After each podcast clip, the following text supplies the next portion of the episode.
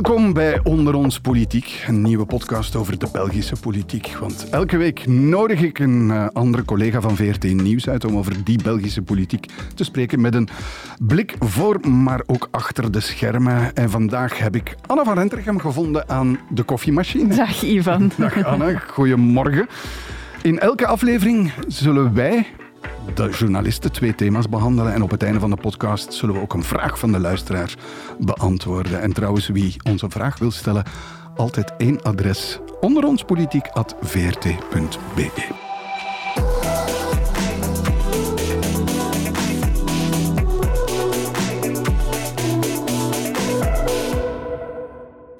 Goed, Vandaag gaan we het hebben over twee thema's. De nieuwjaarsreceptie is een beetje als sociologisch fenomeen en de toestand in Franstalig België. De politieke toestand dan in Franstalig België. Anna, laten we beginnen bij die nieuwjaarsrecepties. Mm welke hebben al plaatsgevonden? We hebben gehad de NVA, CD&V, PVDA en Open VLD op uh, Blauwe Maandag traditioneel. Dat is uh, geen toeval. Ja, wat is er zo boeiend aan een nieuwjaarsreceptie?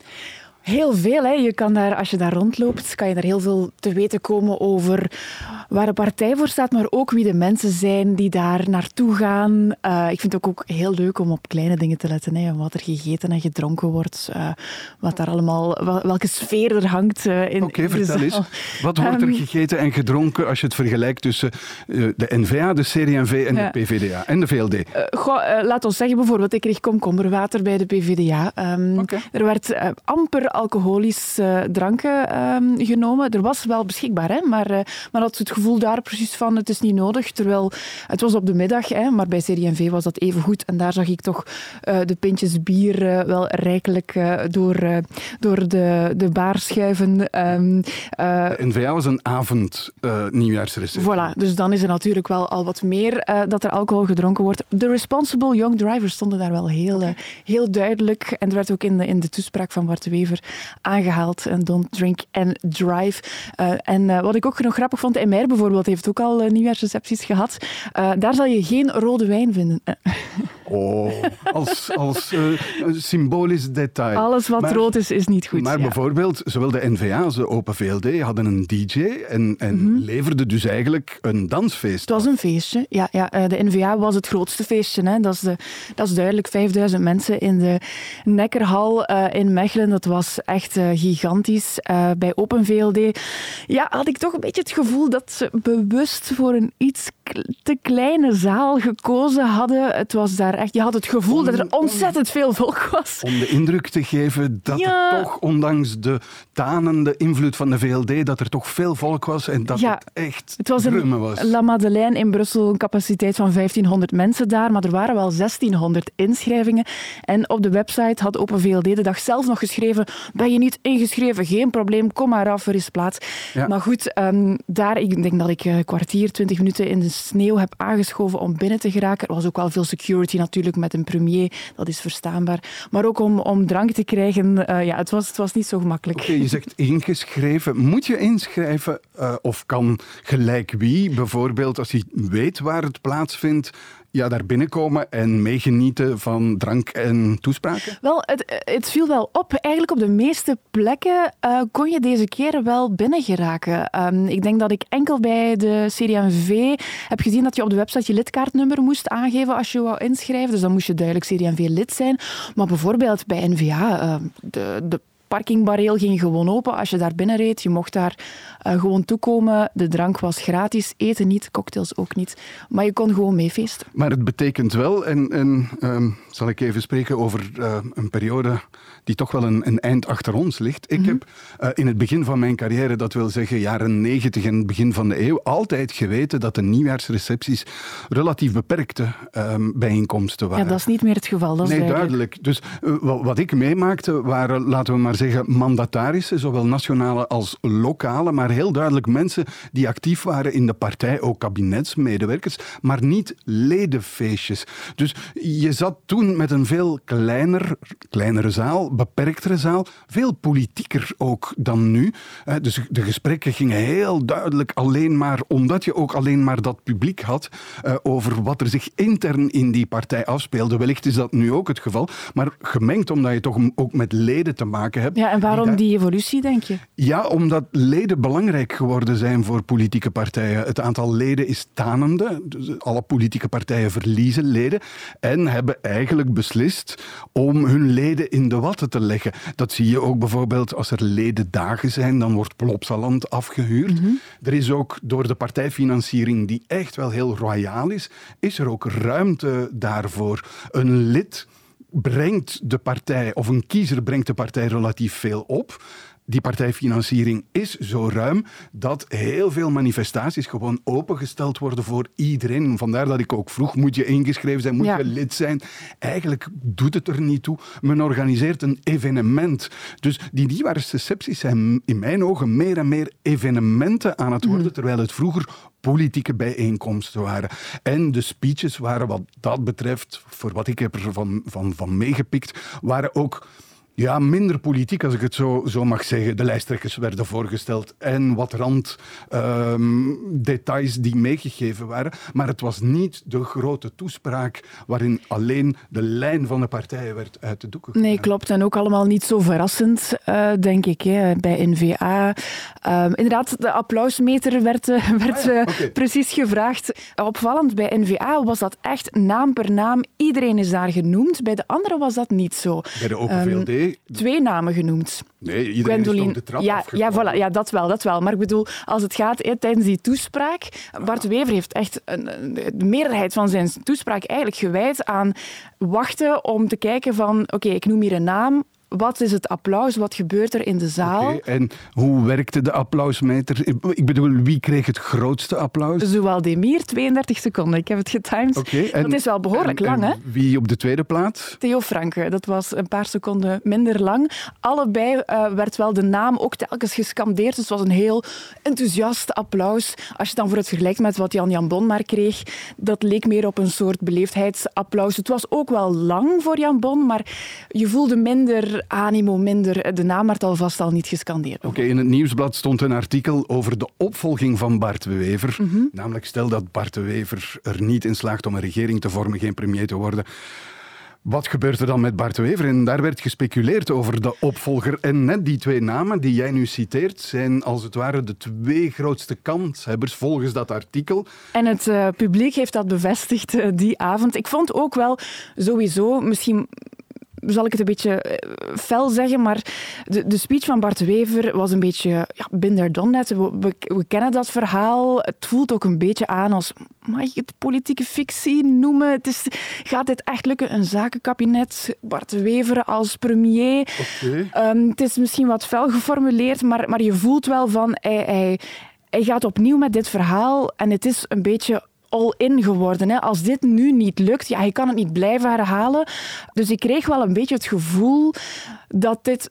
Was het zijn laatste keer op een Ja, nieuwjaarsreceptie als voorzitter? Maar, maar als je het hebt over politieke realiteit of het gebrek daaraan, dan vond ik de VLD-toespraken, zowel van Alexander de Croo als Tom Ongena, die stonden pas ver van de politieke realiteit. Je kreeg daar echt het gevoel dat je op een feestje zat, het laatste van de Titanic als het ware, het laatste orkestje eh, van, van de Titanic. Daar werd gewoon de werkelijkheid ge- ge- genegeerd. Daar werd gezegd van, ja, we hebben alles gerealiseerd en de kiezer gaat ons belonen, terwijl de peilingen aantonen dat die partij echt wel aan het flirten is met de kiesdrempel. Ik vond dat een heel irreëel gehalte hebben. Mhm. Het was weinig verrassend. eh, inderdaad, de, de, de, de woorden die gebruikt werden, ik, stond er niet van versteld. Het was ook twee keer twee speeches hè, die avond, zowel van Tom Ongena als van de premier. de premier ook natuurlijk zijn applaus Uiteraard, maar ook eigenlijk twee keer dezelfde speech, als we eerlijk zijn. Ik Ja. heb, het, het was bijna identiek. Hè. Maar goed, CD&V vond ik dan ook wel interessant, omdat Sami Medi eigenlijk zei, wij gaan de verrassing zijn van deze Ja, verkiezingen. riep zich nu al uit tot de verrassing van de, ver- de positieve verrassing van de verkiezingen. Dus hebben al die nieuwjaarsrecepties niet een hoog. We kijken in de toekomst en we wensen ons het beste toe, onszelf vooral het beste toe. En dat heeft toch wel een irreëel gehalte bij allemaal. Ja, absoluut. Ze proberen in elk geval om hun verhaal te creëren en te hopen dat als we het zelf zo positief mogelijk voorstellen, dat het eh, realiteit gaat worden. Kan je, kan je zeggen dat zeker in een verkiezingsjaar die nieuwjaarsrecepties een beetje mini-verkiezingscongressen zijn? Ja, misschien wel. Misschien, het, het is alleszins een eerste manier om toon te zetten graadmeter. Natuurlijk, aan de andere kant, als politiek journalist leer je er misschien wel niet zo heel veel bij. Mag ik dat zeggen? Ja, maar is dat de bedoeling? Het is ook het feestje om net die leden, militanten, uh, ja, in een hoera-stemming te krijgen. Voilà. Het gaat meer over hen en minder over ons. We gaan, we gaan nog een laatste oefening doen mm -hmm. uh, over die nieuwjaarsrecepties. Doe je ogen dicht en je zit bij de NVA. Wat zie je in een paar woorden? Wel, als ik mijn ogen dicht heb, niks natuurlijk. Ja, maar ik bedoel, doe je ogen dicht en herinner je, wat, zag je, wat ja. zag je bij de NVA? Um, daar zag ik uh, goh, een, een, een gemiddeld publiek, laat ons zeggen, misschien ook wel dit, want uh, als ik naar het toilet ging, uh, stond er een lange rij. Maar voor de mannentoiletten, bij de vrouwen kon ik gewoon binnenwandelen. Dat zegt ook al veel, denk ik. Namelijk veel mannen um, bij de NVA? Veel mannen bij de NVA. Nu, het was een veel momentopname, dat toilet, maar inderdaad, veel kostuums. Misschien, laat ons zeggen, ook bij Open VLD zag je ongeveer dat soort publiek, maar het voelde nog, nog iets meer dezelfde leeftijd, dezelfde blauwe pakken, zegt het ja. cliché dan. Hè? En champagne um, en wijn en voilà. geen bier? Zie je dan bij de CD&V, als je je ogen dicht doet, bier tappen?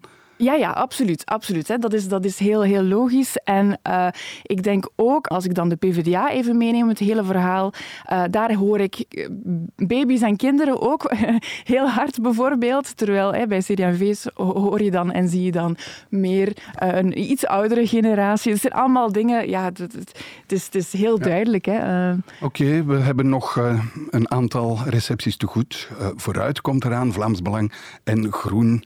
En dan kunnen we eigenlijk de puzzel, de sociologische puzzel, helemaal compleet maken. Goed, misschien ook eens even kijken naar een, een ander onderwerp dat uh, mij vooral boeit. En dat gaat over de toestand in Franstalig België. Want ik heb de indruk dat we dat veel te weinig behandelen in ja. onze berichtgeving. En er zijn toch wel een heel aantal uh, interessante aspecten. Zal ik beginnen met wat zich in Brussel aan het afspelen is? Daar heeft het succes van de PVDA, de PTB vooral, mm -hmm. want het is vooral de Franstalige vleugel uh, van die partij, ervoor gezorgd dat er een zeer paniekerige reactie is ontstaan bij alle andere Franstalige partijen. De PTB is plotseling de grootste partij geworden in Brussel, terwijl normaal gezien in alle voorafgaande peilingen de liberalen daar stilletjes aan de grootste werden, af en toe afgewisseld met de PS en, en Ecolo. Dus was echt een nek-aan-nek race. Maar nu plotseling krijg je daar de PTB. En dat succes is eigenlijk in grote mate te wijten aan het standpunt van de PTB over het conflict in het Midden-Oosten. Zij hebben het over de straffeloosheid van Israël. Zij hebben het over de genocide die in Israël plaatsvindt. Kortom, ja. ze kiezen echt wel een duidelijke kant in dat conflict. Ja, zag je ook op de nieuwjaarsreceptie trouwens. Ja, maar dat is natuurlijk in een grootstedelijke context als Brussel, waar je heel veel mensen met een migratieachtergrond hebt en ook heel veel mensen die het islam gelovig zijn, is dat een heel belangrijke uh, factor. En de peiling toont aan dat er echt een kantelmoment ge geweest is met het ontstaan van dat conflict en dat dat zich uit nu. Het gevolg, ik zei paniekerig, omdat je nu plotseling bij de andere traditionele partijen, zoals de PS bijvoorbeeld, federale mensen die dus voorzien zijn om in de Kamer en eventueel minister te worden in de federale regering, dat die nu plotseling naar Brussel worden gestuurd. Mm -hmm. Ahmed Lawesh is de PS-fractieleider die minister wil worden, heel duidelijke ambities heeft, wordt nu door zijn partij in de plaats van Rudy Vervoort gebombardeerd tot kandidaat minister-president. Bij Groen, Zakia Katabi, dat is de minister van Klimaat. We hebben die in Vlaanderen heel weinig gezien, de federale minister van Klimaat. En die wordt nu lijsttrekker en kandidaat minister-president in Brussel, terwijl ze drie maanden geleden in een interview in La Libre Belgique zei dat ze in de verste verte niet van plan was om naar een ander niveau dan dat federale niveau te trekken. Dus daar is echt een bocht. En zelfs de MR, David Lester, en dat is iemand van Joods-Poolse afkomst, als lijsttrekker heeft, zet op de tweede plaats de federale minister van Buitenlandse Zaken. Mm -hmm. Dat zijn drie, dus Hadja Labib in ja. dit geval, dat zijn drie federale tenoren die naar Brussel worden verkast, duidelijk ook met een migratieachtergrond, alle drie, om in te gaan tegen die invloed van de PTB en de kracht die de campagne van de PTB daar aan het voeren Ja, het is. misschien ook wel interessant, omdat ik had het er eigenlijk toevallig nog over met Raoul Hedebouw, ook op de nieuwjaarsreceptie, dat hij zei het is altijd spannender in Vlaanderen dan in Franstalig België om politiek te voeren. Is het nu plots in Franstalig België spannender aan het worden? Ik vind van wel, want ik heb de indruk, je hebt, je hebt eh, op geregelde tijdstippen wat ik heet een bevroren politiek landschap. Dat wil zeggen dat er jaren aan een stuk niks gebeurt. Bij ons, vlak na de verkiezingen, is Vlaams Belang de grootste partij geworden in de peilingen. En dat is eigenlijk al vier jaar zo. Punt. Dat is een bevroren landschap. En de discussie gaat nu, ja, hoe groot is Vlaams Belang en hoe kleiner wordt de NVA. Maar voor de rest heb je wat dat betreft, ja, vooruitschiet er wat door. Maar in grote lijnen is het landschap bevroren. Het centrum zakt ineen en de uitersten zijn aan het groeien. Simpelweg. In Franstalig België was het heel lang, de PS is de grootste partij. En daarnaast heb je een aantal partijen die wat kleiner zijn en die vechten om samen met de PS een regering te kunnen vormen. Heel simpelweg. En dus wat nu gebeurd is, en daarom moet je het misschien disruptief noemen, is net die winst van de PTB in Brussels hoofdstedelijk gewest. Vergeet niet, eh, Brussel is eh, ja, toch een derde van de Franstaligen. Dat is bij ons een heel mhm. klein gegeven.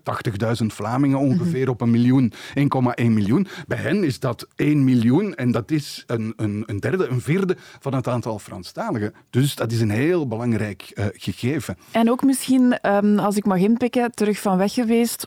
Enfin, of het is te zeggen, de Franstaligen hebben misschien nu ook de witte konijnen ja. ontdekt. Ja. Vond ik ook een opvallende.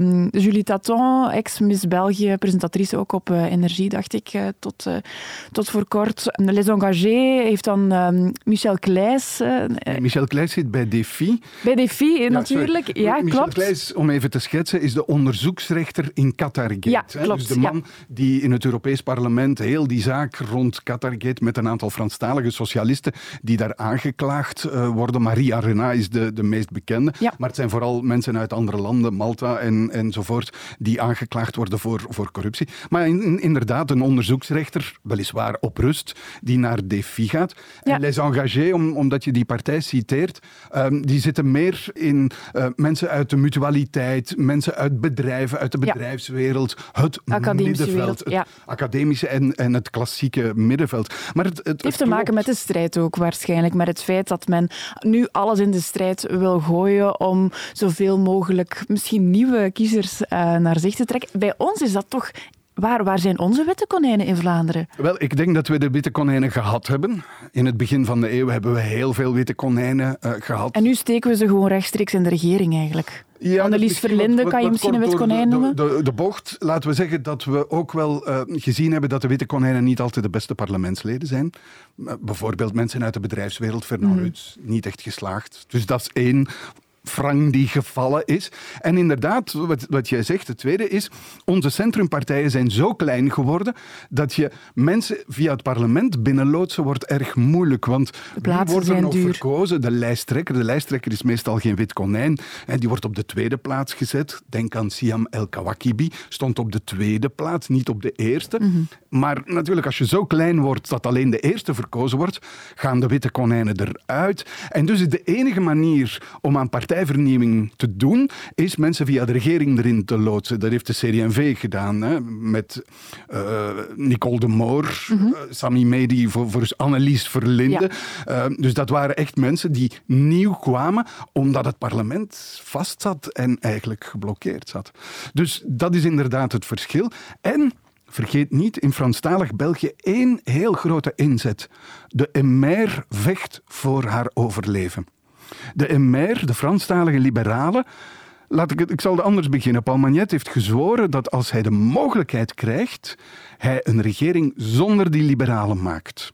Dat wil zeggen dat de liberalen ervoor moeten zorgen dat ze wat heet incontournabele zijn. Dus dat ze in een positie terechtkomen dat ze eigenlijk niet gemist kunnen worden. En het idee van de liberalen was, als we in Brussel kunnen winnen, dan worden we incontournabele, omdat je, ja, alles hangt een beetje aan alles, ook ja. de Franstalige zijde, dan word je overal bij betrokken, omdat je er naar streeft om overal ongeveer dezelfde uh, politieke coalities te krijgen. Wel, opnieuw, het disruptieve van het feit dat de PTB in Brussel de grootste partij gemaakt heeft, gooit eigenlijk alles overhoop. En daarom vind ik het eigenlijk wel boeiend, die evolutie die daar aan het plaatsvinden is. De strijd is overal in ons land richting de verkiezingen, dat is duidelijk.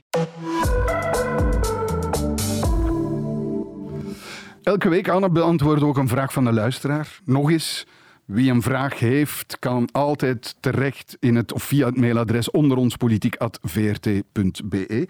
En de eerste vraag die sprokkelden we eigenlijk aan dat koffiemachine eh, op de redactie, want daar kregen we de volgende vraag toegestopt.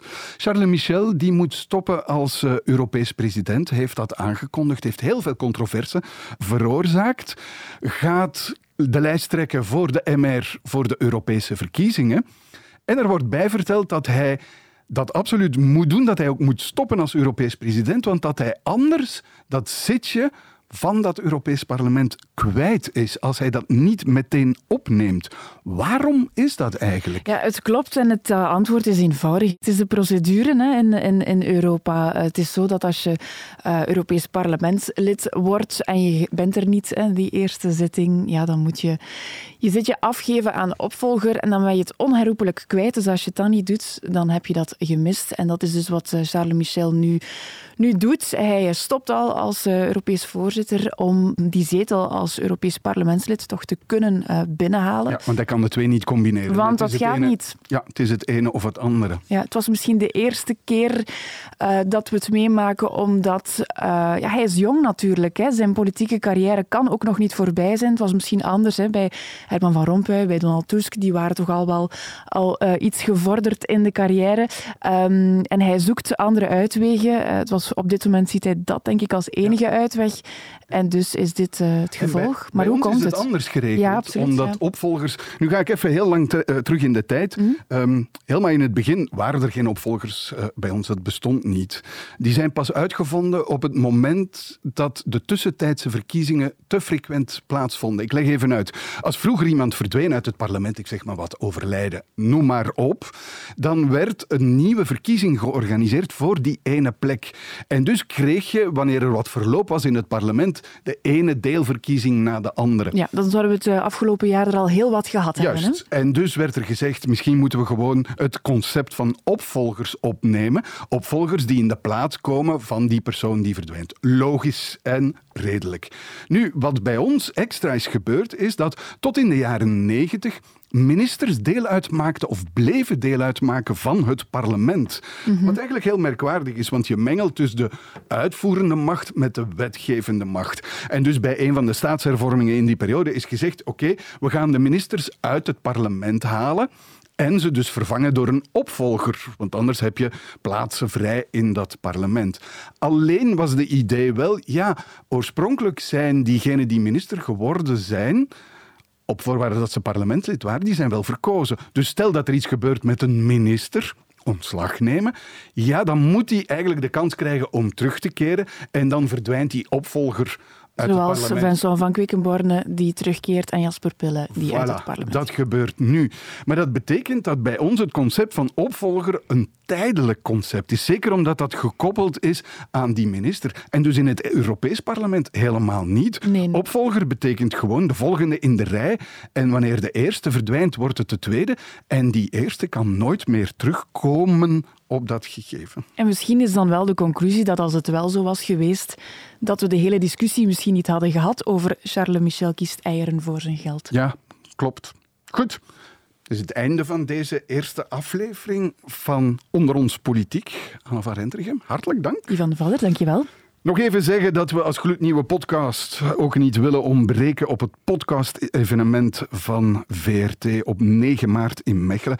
Tickets vind je via de website van VRT Max voor de sessie Vraag het aan Ivan. Jawel, daar kan je mij en ik denk ook andere collega's van VRT Nieuws elke vraag stellen die je eigenlijk wil stellen over de Belgische politiek. En volgende woensdag vind je onder ons politiek opnieuw in de app van VRT Nieuws voor een tweede aflevering. Tot dan.